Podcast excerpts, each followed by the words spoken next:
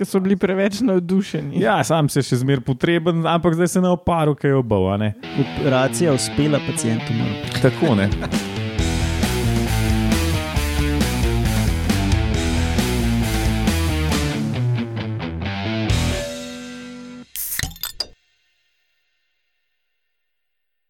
Lepo zdrav, poslušate 126. oddajo Metamorfoza. To je podcast o biologiji organizmov, ki vam jo vedno predstavimo skozi lahkoten pogovor o pivu. 126, kaj je bila, Bovca, Fiat 126. Ah, To sem mogel povedati. okay. In zdaj nas bom predstavil. Jaz sem Matjaš Gregorič in z mano so danes živi mrtvec Lauro Rozman, ki se je že oglasil, zdravlja, Živijo? Aresova brenčačka Alenka Rozman, Ja. obveščevalna komentatorka Urša Fležar uh -huh. in koničasto zobi komentator Roman Luštrik. Hello, hello. Dočnik. Danes na sporedu klasična oddaja, se pravi med novicami imamo raziskavo o spinozauru, ki je prvi plavajoči dinozaver, potrjen. Pa potem, ali ste vedeli, kaj je to funkcionalna nekrofilija, uh -huh, uh -huh. Zdaj bomo živi videli. mrtveci, in vaški posebneži, vrsta čebel, ki se reče Jataj, edina vrsta z voščaki menda.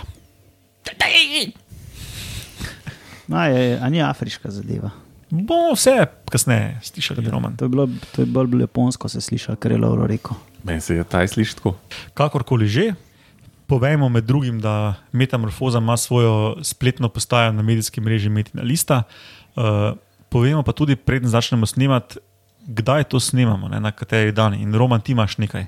Leta 1859 je umrl en gospod, ki se mu rekel Aleksandr von Humboldt. Uh -huh. On je bil tak razgledan možakar, velik sveta je obredu, tudi z ladjo. ja, en, en od najbolj znanih biologov ja. Ja. zgodovini. Ja, takrat sicer še nisem rekel biolog, je bi bil bolj naturalist. Uh -huh. Pa, mogoče tudi naturalist. Naravoslovec, ne nujno um, nudističen, Ja. um, No, navdušenec kot Kaj- Nemec. Ne? Kaj pa zelo hodil sem reči? ker- Nikoli ne veš, glede na to, da je bil Nemec. Ja. Tako, a ne, to ne moramo izključiti. No, med drugim je, uh, da je bil to, da je bil velik naravoslovec, je pa poznan tudi po tem, med drugim, a ne, da je bil oče biogeografije. Se pravi, on je preučeval, um, kako se organizmi, se pravi, vrste pojavljajo glede na prostor. Se pravi, da lahko narišeš na karto, ki so pikce za kakšno vrsto, med drugim nove. Um, pa po njemu je poimenovan tudi Humboldtski tok. Se pravi, če si predočimo Pacifik, se pravi, na desni imamo Ameriko, na levi imamo to Azijo. In ta severna polovica kroži v eno smer, ta južna polovica pa kroži v drugo smer, pa tak, taka gira temu rečejo. No, in ta, ta, južn, uh, ta južna gira, ki teče mimo Peruja, pa tam. Ne vem, če je temu perujski tok oziroma Humboldtski tok. On je bil tudi takrat je meril temperaturo, tega pa je pokazal, da to, to je nekaj čuden, kaj se dogaja. Ne.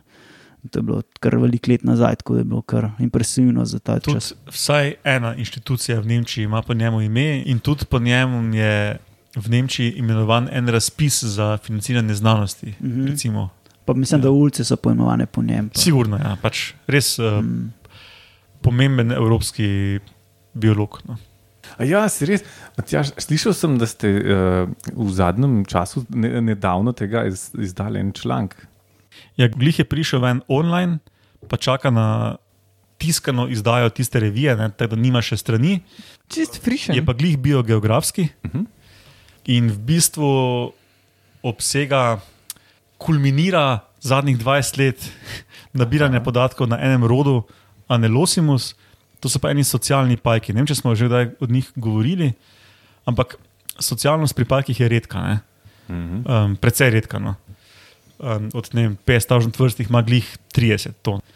Naredili smo globalno filogenetsko drevo tega rodu, in potem smo pač pogledali, um, kako so se širili v zadnjih 30 milijonov let, koliko je rod star, um, odkje izvirajo in kaj je vplivalo na um, njihovo raznovrstnost. to, ne.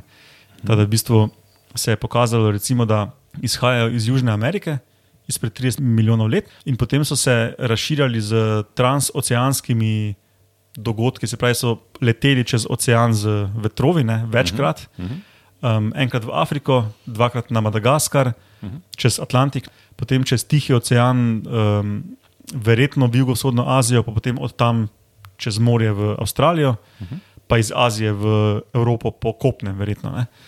Um, in zanimivo je tudi to, kar smo ugotovili, da predniki so samotarski, potem pa je več linij znotraj tega rodu razvilo socialnost. Neodvisno. Ja, in ko so ratali socialni, se več niso razširjali na dolge razdalje. Ne. Kar logično. Ja, samo um, subsocialne ali pa samotarske linije so se razširjale na velike razdalje. Uh, Potem smo pa še pokazali, no, da v neogenu, to je v zadnjih 8 milijonih let, je bila ena klimatska ohladitev, pa tudi te fluktuacije v temperaturi globalni sopadajo z kako so se širili, pa krčili gozdovi. Ne?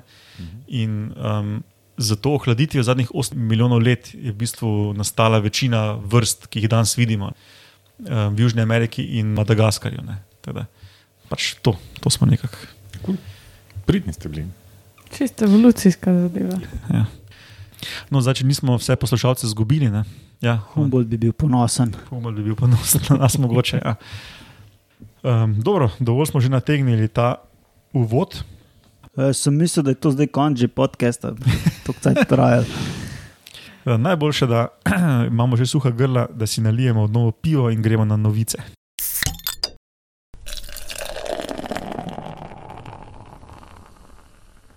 Danes imamo med novicami dinozavrsko raziskavo, kar bo verjetno razveselilo nekatere naše poslušalce, recimo uh -huh.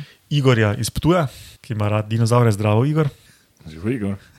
Okay, zdaj, če se spomnimo našega otroštva, ne, ko smo kdaj brali o dinozaurih ali pa gledali kakšne oddaje o dinozaurih, imamo nek vtis, da je marsikateri tudi bil voden, ne, da je živel v vodnem habitatu. Ja, ampak tisti niso mi bili zdelo. pravi dinozauri. Ja, točno na to ciljam. Imeli smo ta vtis, ne? se pravi, neki karizmatični vodni plazilci, kot sta recimo, tu sem si zapisal par bolj takih znanih imen, Ihtiozaver, ja, Ihtiozaver, pa točka za Romana. Urša zaostaja. Pa, no, Ihtiozaver in temnodontozaver sta taka dva plazilca, ki sta tako malo na, na prvi pogled oblika delfina, recimo nek taki kljunast gobec, pa taki neki repek, ne pa to ok. Ne. Pa potem recimo pleziozaver, pa elazmozaver, to so bili ti vodni plazilci s tem dolgim vratom. pa tak. No, ampak v bistvu že več desetletij vemo, da pravih dinozavrov pa ni v vodi. Ne. Pač dinozauri že desetletja in desetletja veljajo kot izključno kopenske živali. Sicer so potem hipoteze, da niso vsi kopenski, pa se, od- so, so se okoli tega malo kregali in osrednjo vlogo tukaj igrajo spinozauri. Spinozauri, kot nekaj ime nakazuje na hrbtenico, ne? Spin-off od rib. Ali pa to, da se vrtijo skozi okrog Jaz sem mislil, da bojo oni na kolesih. kakorkoli, um, spinozaver je centralen tukaj. In um, da poslušalce spomnimo, in vas štiri, ne, kateri so spinozauri, to so oni, ki imajo dve vrsti onih koščenih plošč po hrbtu, taki veliki ščiti, kot irokeza po hrbtu. Ne. Sam ti so tudi bili kopenski, ne? Ja, ali ne, mogoče. A Niso imeli štiri taco in to je to. Ja, čakaj imajo štiri tace. ja, kako se to štiri tace? In to je to. Kot sem rekel, ti so centralni v tej kolobociji, ali so dinozauri tudi vodni ali ne. No, med spinozauri so edini resni kandidati, ki bi lahko bili iz vodnih habitatov. In do zdaj so se kresala mnenja, kopija, karkoli že, o tem, kak fejst vodni so. Ne.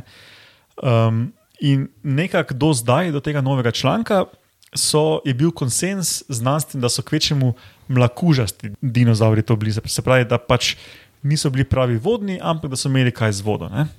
Take dvoživke v bistvu. Bolj povodni konji pa to. Okay, no in zdaj v tej novi raziskavi so pa, so pa nedvomno potrdili, da so med stegozauri bili tudi pravi vodni predstavniki, pravi plavalci.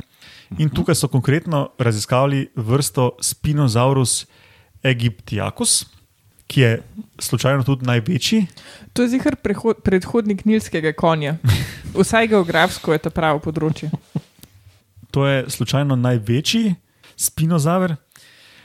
ki je v dolžino meril 16 do 18 metrov in je tehtal plus minus 20 ton. Je pa te velike. Ja, Oh, shit.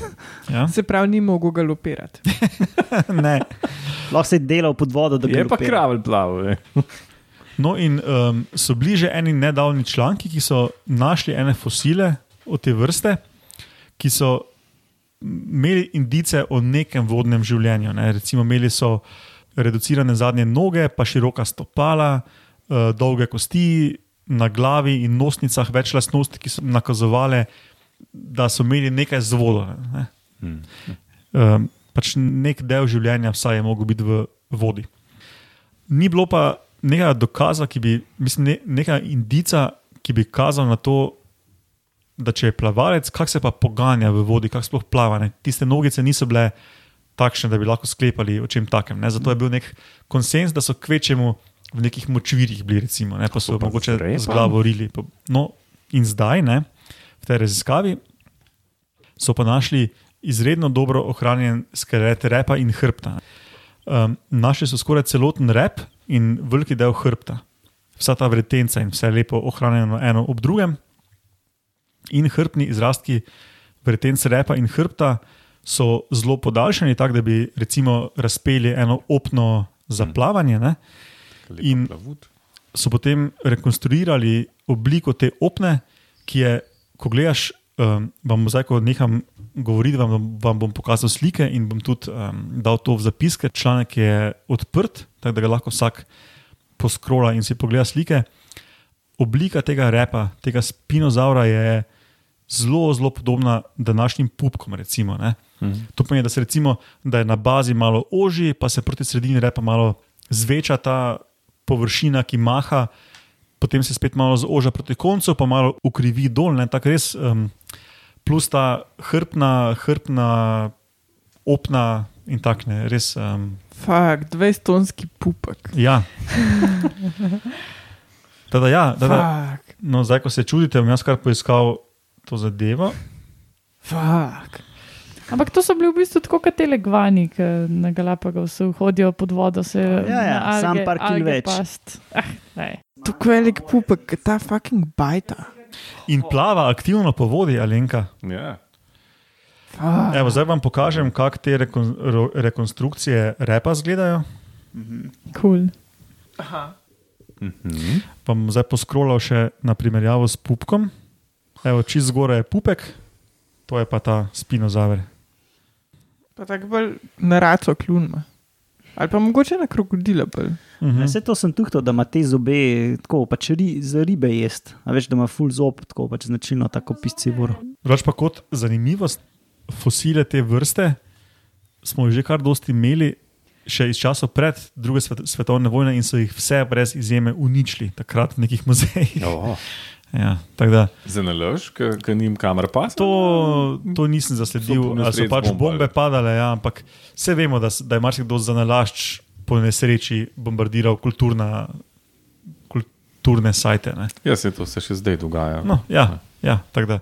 No, drugače pa tudi drugi spinozauri, druge vrste spinozaurov, ker je, eh, mislim, da je nekaj deset vrst po celem svetu, kažejo neke adaptacije na vode, ne tako ekstremne kot, kot ta, ne, ampak um, več spinozaurov je imelo verjetno neko, neke vodne habitate ali pač neke močvirnate ali pa prav vodne, ne. ni bila to edina vrsta. Tako da verjetno ta cela skupina spinozaurov um, je bila malo nagnjena na to, v to smer.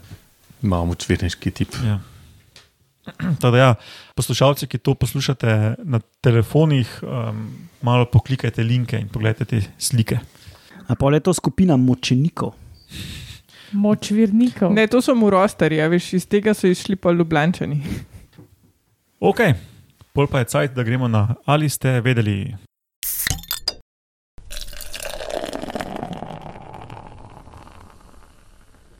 Ali ste vedeli, da obstaja pojav, ki se mu reče uh, funkcionalna nekrofilija? Ne. Ja, jaz tudi ne. Ampak bom uh, malo na širš uh, razložil, zakaj gre. No? A nuri, bomo spet začeli malo širše. Brez pa- repci. Dvoživke, torej Ja. žabe. Se bo, pa bomo šli pol to the point, ne to, kar sicer moja hči ob pamet spravlja, če se tako lotim stvari. Ampak, lej, A Meni je pač tako všeč. a ne. A Nuri so dvoživke in sicer brez repe dvoživke, ponavadi se še kaj oglašajo.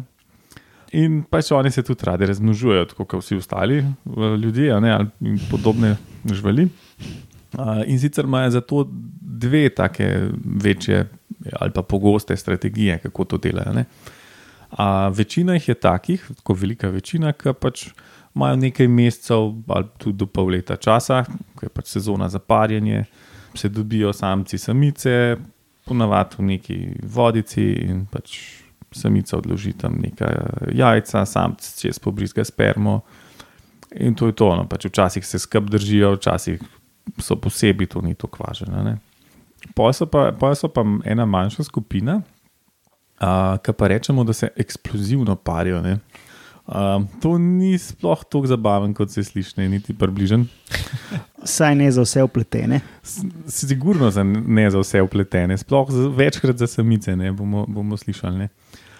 Eksplozivno pomeni, da pač one živijo v nekih, eh, recimo, da temu slabših razmerah, in um, je manj časa, ali pa manjkrat primeren čas za, za parce. In pol pač takrat, ko pa je, je pa treba to eksplozivno hitro narediti. ne. In uh, pol to pač pride do, do večjih zadreg. Ne.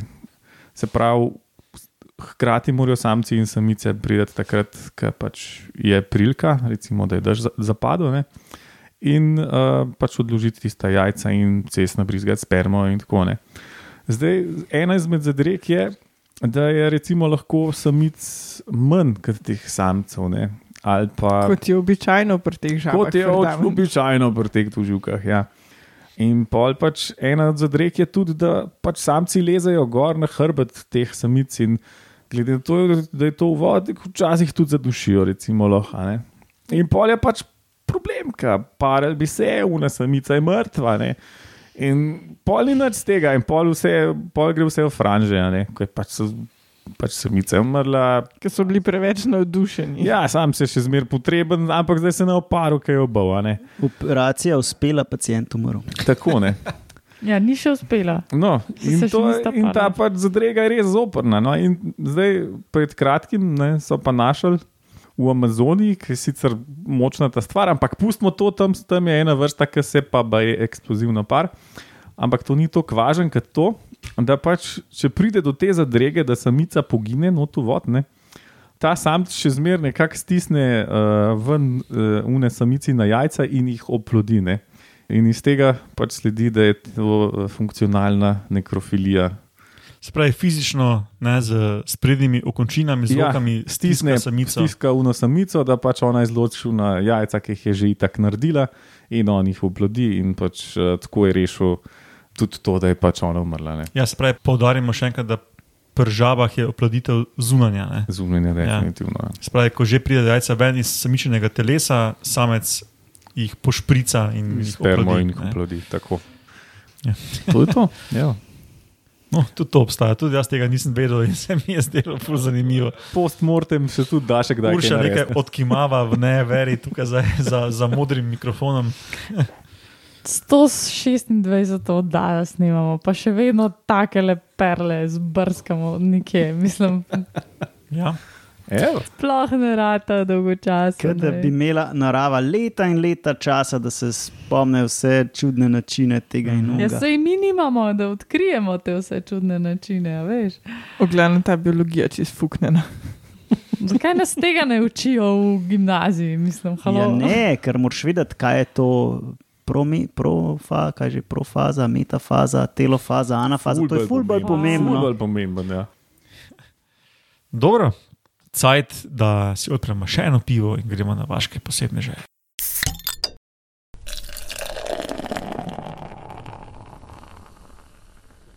Kaj si že ti rekel, da, da, kako si me že poimenoval? Aresova brenčačka, Aresova. za boj pripravljena. Ne? Aha, aha ok. Ja, ja. Je bil. Tako, em, tako.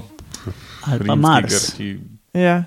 Če vojščaki niso pripravljeni za boj, pol ne vem, kdo je. Maresova. Grški, grški. Ja. No, Mars je bil pa rimski. a ne? Rimski. ja, Ja. ja. Se pravi, Lauro, ti si špekuliral, da je to azijska, Roman je eh, rekel, da je bolj afriška, ne? Ali kako že? Tako rekel, ja. Ja. Urša bi še ti ugibala? Pačka, ja, verjetno je z male Azije. Ne? Ne, iz Srednje in Južne Amerike je. Ha, ha, ha. No, in te čebele so v bistvu dosti priljubljene pri čebelarjih iz več razlogov. Uh, dajo dosti velik medu, imajo precej mehke panje, predvsem je fajn, da nimajo žela, uh, velike so pa tam od 4 do 5 mm. No. So pa mehne. Ja, mehke. Ne zauzamejo veliko Vse prostora, mi je bilo všeč pri njih. pa kar produktivne. Ja. Dobro, Nemci bi rekli klein, aba oho. Oh, ja. Sam ne pikajo. Ja, ne pikajo, pa male so pa dosti meda daje. No, Ja. Vidiš, oho. Pa še po čem drugem so oho. Ja, so ja. Uh, tako kot tudi druge vrste čebel imajo kaste, uh, se pravi, um, imajo delavke, pol trote, pa matice, ki se vse morfološko, se pravi, na prvi pogled jih ločimo med sabo. Imajo pa še eno dodatno kasto in sicer vojake. To, da imajo vojake, je znano pri žlahti, recimo pri mravljah, pa pri termitih, pri čebelah pa ni bilo to tako, um, niso vedeli do zdaj. No? Zanimivo mi je bilo, da pač jajčka so vsa enaka, ne od iste matice. eh, In v katero kasto se razvija, je pa odvisno od tega, ka- kolikšno velikost celice je, pač te, v te satje, ki odlagajo noter. ne. Eh, In pa celice že prej napolnijo s hrano in jo pol zapečatijo in se ne dotikajo več. Tako da je v bistvu odvisno od velikosti celice, pa količine, pa kvalitete hrane. Um, taka. mm. Večino je pol seveda delovk, okoli 84%. Uh, trotov je tam plus minus 16%, odvisno od sezone, uh, vojakov je pa od 1 do 6%. Uh, velikost kolonije pa lahko pride do 10 tisoč osebkov. Ampak kjer imajo najmanj, najmanj prostora, pa najslabšo hrano od teh? Delovke, da. Troti. Ne, delovke. A, delavke. Tro, troti v bistvu nucajo kar dosti veliko hrane. So ponovadi večji. Ja. In jih je tudi največ od februarja do aprila, ko je tam ta pomladna sezona, ne, uh, in je dosti hrane. Tudi zanimivo, mislim, zanimiv. logično je, ne, da tako kot pri vseh čebelah, spolno zreli troti pač ne pomagajo panju, ampak grejo se part in pa se nikoli več ne vrnejo. Tako v bistvu, kaj eni taki študenti so.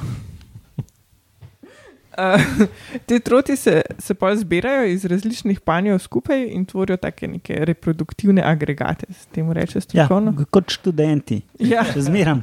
ja, in pol pač več, kaj jih je, več teh feromonov izločijo in to bolj privablja pol mlade matice. Aha, no, pa, pa ni več kot pri študentih. Ne, to je Zdaj- pol una malicija, veš. Za, za poslušalce, ki niso poslušali prejšnje epizode, um, smo razložili strukturo slonje črede na primeru študentov v ljubljanskih študentskih domovih. Ne. Ja. Predprejšnje, ja, pardon. Tudi drugače mi je to razmnoževanje prav teh čebel v bistvu dosti zanimivo, ker kolonija ne, se razmnožuje samo enkrat na leto, čeprav je sezona dosti dolga, se pravi od februarja do aprila. In najprej, še preden, še preden imajo mlado matico, uh, grejo skavti in iščejo primerne špranje, kjer bi lahko bil nov pan. Uh, pač to so delavke, ki izletavajo in iščejo okol, uh, in iščejo pa sam do nekaj sto metrov stran od, od matičnega panja. In polke najdejo, to primerno špranjo spucajo, pa zgradijo pač prve celice, ne zametke panja naredijo. In polke je že zgrajen, pol šele gre mlada matica se partne. Ampak pri, Najprej štalca, pol pa kravca. Ja, najprej štalca. Ja. Preden pa odleti, ne, in pa mama na vhodu zapleše v zraku tak ples uh, in s temi razloži, kam naj gre pol, ki se bo parla v svoj nov pan. Ja, se pravi, ma, ta mlada ne ve, kam bo šla pol, ne. In mama ji razloži, da je pol, ki boš vertik, pa petke. Ti pušuš. Um, no, in pol ta uh, mlada matica se gre part in ki je uplojena, pride um, čez 2 do 7 dni uh, v svoje novo gnezdo. To pa se dolg par. No, lej. Pa dobro, da si zapomne, kar je mama rekla en teden. je Ja, Benti. ja. Mislim, tam je več sto trotov na kupu iz različnih panjev, a ne, ne moreš si cajt vzeti za take stvari. Ja, se prav, ampak da se spol še pusem tem fuku spomniš, kam, kam je mama rekla, da moraš iti, pa glede na to, da si fucking čebela. Pa da imaš ganglije in ne možgan. Ja. Sej lahko, da, da tisti seks traja ne vem, pol dneva, pa pa vstal dnev se pa probe spomniti, kaj je mat rekla. Ja, glede na to, da, da, da je v radiju nekaj sto metrov, to gre lahko v bistvu pol vse preiskati. Brut, force No, išče. ampak ja. lahko se pa lahko tudi na poti, ko išče še Se hopa še cupa. ne. malo povzroča. No, ampak lej, le more shraniti zaloge sperme za vse one potomce, ki jih bo mogla enkrat izlešti, ko bo tam mm. v kamerici zaprta. Ne? ja. Ne, ta je tudi iz leta. Aha, A, ni to okej. njena zadnja. taka- Ne, ker pač, ko bo sama mama, bo mogla iti ven zaplesati, a ne po luftu. Pač oni ne migajo zrito, tako kot te naše čebele, po, po, kar po satijo, ne. Mhm. ampak gre prav ven, pa tam po luftu. To pa je bolj zabaven. Ja. Ja, ja. No, v glavnem, ta ta mlada vzame sabo tam nekdo 10% delavk uh, v svoj nov pan, Mhm. ampak od mame vzame tudi cvetni prah, pa med, pa vosek. Doto. Ja, doto. reči, ja. Čak, sam to ne nese sama, to z delovke prinese. De- Delavke to nosijo še do šest mesecev. Ho, ho, ho, ho, ho, ho. Ja, zato se pa ne uceli zelo daleč stran, da Ja, pač ja, to ja. ni. Ja. To, da mama ne gre v copatah, ampak delovke pa lahko prinesejo. Ja, ja. Dober, dober. A si zigar, da to ni klepr nas? No, ampak na srečo ima pa ta mlada eh, zelo mehko špajzo, a ne, tako da pač mami se to praktično ne pozna. Ene delovke, polke so fertik ne, z oskrbovanjem te tam mlade, grejo pa nazaj k mami. Um, in šele, šele ker nehajo zdaj to tam mlado pedenati, ne, ker je res tako v koncu, okay, zdaj se pa sama znajde, lahko kolonija spet ruji. Ja. Ah, A če imaš še kakšno o vojakih reči, glede na to, da so posebnost teh? Če... Sir, ja, sir. Ja, jaz to čakam že zdaj pol ure. ali Koliko, Ja, traja? pa če mi je bilo to ful dobro, mi je bilo, no, kako se te kolonije razmnožujejo. v glavnem, vojaki so kar posebni. No? Oni imajo 30% več mase od delavk, imajo pa manjše glave. Je važno, da imajo več galulčka, ne, ne rabijo. Nimajo lučka, lučka, imajo sam troti, ne, No. druge, druge pač Čakaj, parijo- čakaj, čakaj. Gremo za en korak nazaj. Jaz sem napovedal to čebelo kot vrsto, ki sploh ima vojščake. Ne? Ja, vse to smo tudi že prej rekli, da je to smo nenavadno, rekli. da poznamo vojščake pri termitih, pa pri mravljah, pri čebelah pa do zdaj ne, ampak te pa imajo še eno ekstra Aha, kasto. no, ne. to sem preslišal. Ja. Ja. To je pač bilo ključno pri tej vrsti. če ste ja. pol ure nazaj pozorno poslušali, sem ste že- slišali. Jaz sem že oddremal eno vmes. Ja. Med razmnoževanjem. Ja. Ja. No, v glavnem, in um, ti vojaki stražijo vhod v, v pan, ki ima pri teh čebelah um, zelo tak poseben vhod, malo dogradijo še tako kot eno cev. Um, Mhm. Aha, da je tako obrambna funkcija. Ti. in sko, ta cev je skozi zastražena, ne? med 2 do 45 vojakov jo straži. Mhm, A, in-. Ja, so pa dva tipa. Ne? Ja, definitivno. Mislim, ka, ka, Dva do ti, 45. Ja, ja. Smisel. No, lepa je. Če, Točen interval, ki ga je pričakoval. Oh, that makes sense. ja. ja, ne, morate biti vsaj dva, ne? zato ker imajo dva tipa vojakov. Ne? Eni čepijo na cevi in pač čekirajo to vrsto, isto vrsto čebele, ne? a so iz domačega panja ali so kakšne druge, se pravi pač tak en border control, ali kako se to reče. Um, to tudi uh, navadne čebele dela, sam nimajo posebnih um, vojakov, zato ampak navadne čebele malo pazijo na ta. ja, sam te nimajo žel, ne? pač ne pikajo, tako da imajo pol specializiran. Nimajo specializiranega dela telesa, ampak imajo specializirano kasto za to, da A pa oni imajo neko urodje za. Ne. ne. Mislim, da vem, kako pol te vojaki imajo, imajo, no bo Roman pol povedal. No pa so pa še ta druga vrsta vojakov, ta drug tip vojakov iste vrste, uh, ki pa lebedijo v zraku nad cevjo in branijo v bistvu pred drugo aviacijo. Pač druge, druge leteče žuželke, ki niso čebele. Ja, oziroma zrak, zrak. Pač. Ja. Evo, Roman, prosim, povej. Ja. Ja, ne, čak, moram pogledati. Jaz sem končala. Mislim, mislim da, so, da je to tista vrsta, ki imajo enega plenilca, ki je ena druga čebela, ki je večja ali nekaj tasga.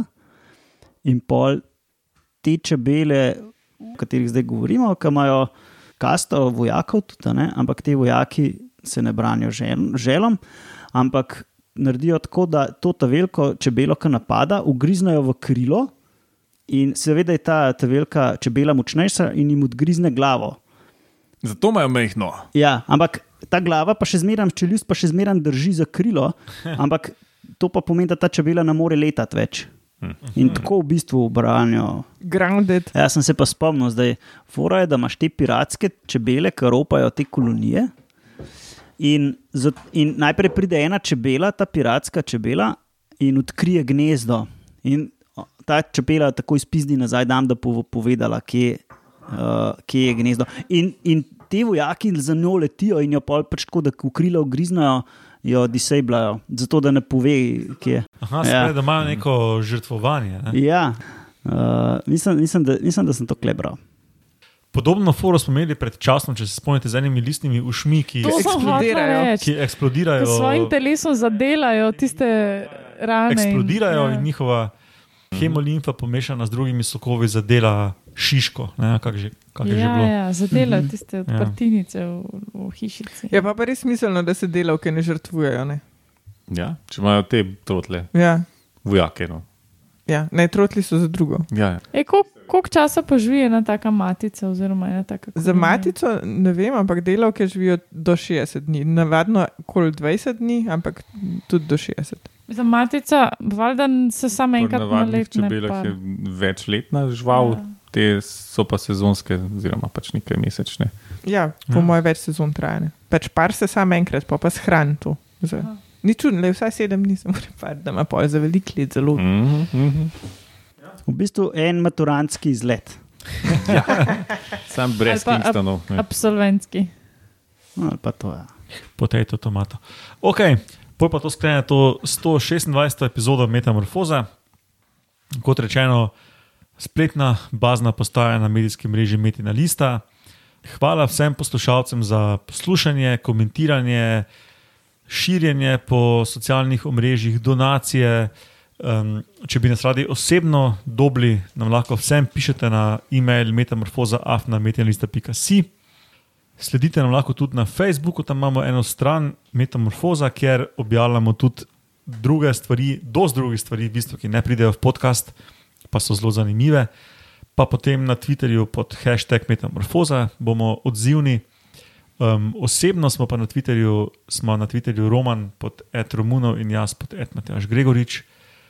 Uh, ja, in hvala vsem za poslušanje, vam štirim za sodelovanje in se slišimo prihodnjič. Pa, pa, pa. Ajde. Ja.